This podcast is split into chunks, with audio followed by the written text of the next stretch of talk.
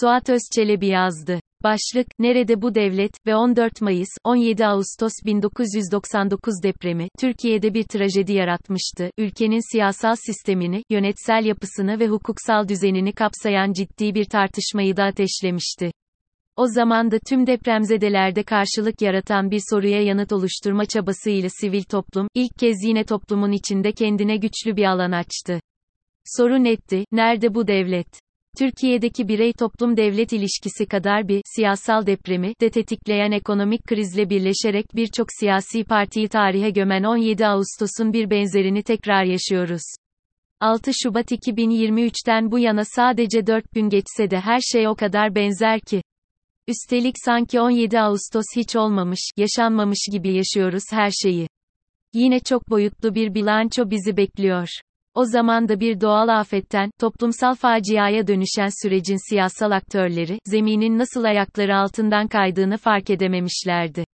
Üstelik o zaman ekonomik kriz ve deprem arasında daha uzun bir zaman vardı. Şimdi üst üste gelen biri doğal diğeri iktidar yapımı felaketlerin birleşmesi söz konusu ve buna siyasal rakiplerine yönelik ağır bir tehdit söylemi, hatta ana muhalefet liderine, siz kimsiniz diye seslenebilen akıl almaz bir eşlik ediyor. Sürekli, hepinize gününüzü göstereceğim, duygusu veren bir ruh halinden, kutuplaştırmanın muhalefet tarafında kalan yurttaşlarda nasibini alıyor. Depremde kurban da olsanız halinizden yakınmak, öfkenizi yansıtmak sizi, şerefsiz, namussuz, haysiyetsiz, yapabiliyor. Üstelik, sürtük, hakareti daha herkesin hafızasında canlıyken, kendinden önce yapılanları adeta yok sayan, ülkedeki her yapılanın ilkini kendi gerçekleştiriyormuş gibi propaganda yapan, güçlü devletin kendisinde ifade bulduğunu ileri süren bir cumhurbaşkanı, Erdoğan. Maraş depremleriyle aslında toplumun en az %60'ı ile arasında oluşmuş fay hattının da ağır bir biçimde kırılmış olduğuna yeniden tanık oldu. Bu tanıklık ve belki de ortaya çıkanları kabullenememe halinin sonuçlarına bakmalıyız. Derinleşen ekonomik kriz sonrası yaptığı hamleleri boşa düşürebilecek ve toplumsal muhalefeti daha da hareketlendirecek bir deprem bu. Sonucu görmeye sadece 3 ay kaldı. Depremle yine ortaya çıkan, devletin kamusal hizmet yeteneğinin, liyakatli kadroları, kapasitesi ve organizasyon gücünün yetersizliğinin, adeta tükenmiş olduğunun anlaşılmasıdır. Aslında bir kurtarıcı gibi sunulan Cumhurbaşkanlığı hükümeti sistemi, 6 Şubat depremleriyle her şeyi tek adama bağlama rejiminin büyük bir iflasa dönüştüğünü iyice açığa vurmuştur. Bilim insanlarının bas bas bağırdığı, uzun zamandır geliyorum diyen bir deprem, yaşanan hizmet sefaletiyle, tükenmiş, çürümüş devletin kolayca yere serilmesine yol açmıştır. Bütün bunlar ortadayken istediğiniz kadar karizmatik olun, hatta tabanınızla kurduğunuz duygusal bağa güvenin bir sonuç elde edemezsiniz. İnsanlar felaketin devasa boyutu ortaya çıktığı zaman, sorumlusunun kim olduğunu anlamak için çok düşünmeyecekler, aynaya da bakmayacaklar. Mesele ekonomik krize, dış güçlere, muhalefete bağlanacak bir mesele de değil, 20 yıldır iktidarda olan bir zihniyet var ortada. Her şeyi kendisiyle başlatan, her şeye muktedir olan ve asla bu gücü, pastayı paylaşmayan bir iktidar.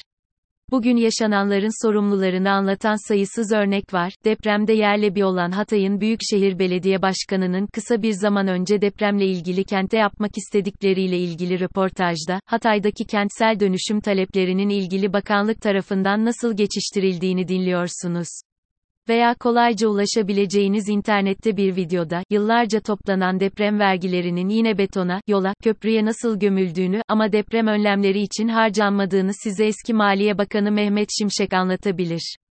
Toplumda yarattığı dayanışma duygusu ile deprem, Millet İttifakı'nın bile yaratmakta güçlük çektiği kitleler arasındaki ortaklaşmayı sağlayabilecek birliği, toplumsalın yeniden dirilişini, iktidarın ise daha da çözülüşünü tetikleyebilir.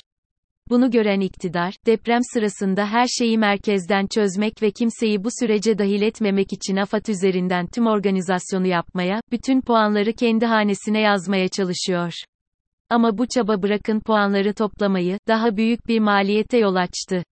Milyonlarca insan yardımlara çok geç ulaştı, enkaz altında kalanlar ise depremin çok geniş bir alana yayılması ve devasa boyutu yüzünden büyük oranda çıkarılamadı. Nokta. Binlerce insan enkazlarda yardım beklerken öldü. ihmalini, ağır kusurlarını asla üstlenmeyen, halkın haklı öfkesine bile onu azarlayarak yanıt veren iktidar, muhalefetin çok bir şey yapmasına gerek kalmadan kendi fotoğrafını kendi kendine oluşturdu. Geldiğimiz nokta, demokratik bir yarış içinde, siyasal rakiplerini sadece birer rakip değil, iktidarını elinden olmaya çalışan, düşmanlar gibi gören ve kendine biat eden seçmen tabanını da buna ikna etmiş bir siyasal yapıdır. Böyle bir yapıda yanlışları denetleyecek ya da uyaracak hiç kimseyi bulamazsınız. Depremzedeler için bile en gerekli olduğu bir dönemde internet yasaklarıyla sansür yasasını uygulamaya koymaktan çekinmeyen iktidar, depremle birlikte tüm çıplaklığıyla ortaya çıkan yönetme acizinin, kaybetme korkusuyla iyice tetiklendiğini gösteren sert çıkışlar yapıyor. Muhalefeti böylesine devasa bir felakette kendisiyle hizalanmadığı için yine kriminalize etmeye, sorumluluklarını hatırlatmaktan ve yanlışlarını eleştirmekten uzak bir yere taşımaya çalışıyor. Ancak bu kez Kemal Kılıçdaroğlu'nun sert karşı çıkışıyla her zaman işleyen, yaptıklarını, yapmadıklarını meşrulaştıran, birlik beraberlik görüntüsü, silahı ters tepti. Bu süreci iyi yöneten, zihin karışıklığından kurtulan ve halka kendini anlatabilen kazanacak. Özellikle birinci turda tek aday, ortak aday formülü muhalefete ezici bir üstünlük sağlayabilir. Öngöremediğimiz olağanüstü hal uygulamaları ve benzeri ataklarla, şapkadaki yeni ekonomik tavşanlarla, dış desteklerle yeniden oyunu kurmaya çalışsa bile Cumhurbaşkanı Erdoğan, hoyratlığıyla dengeyi değiştiremiyor. Küçük ittifak hesapları, sürekli reaktif kampanya dili, kendinden kopanlarla sınırlı hedef kitlesi ve tüm çevresine sinmiş kibirle, 14 Mayıs'ta sandığa gömülme olasılığını hızla artırıyor. Ama en çok milyonlarca yurttaşımıza yeniden sordurduğu, nerede bu devlet, sorusuyla.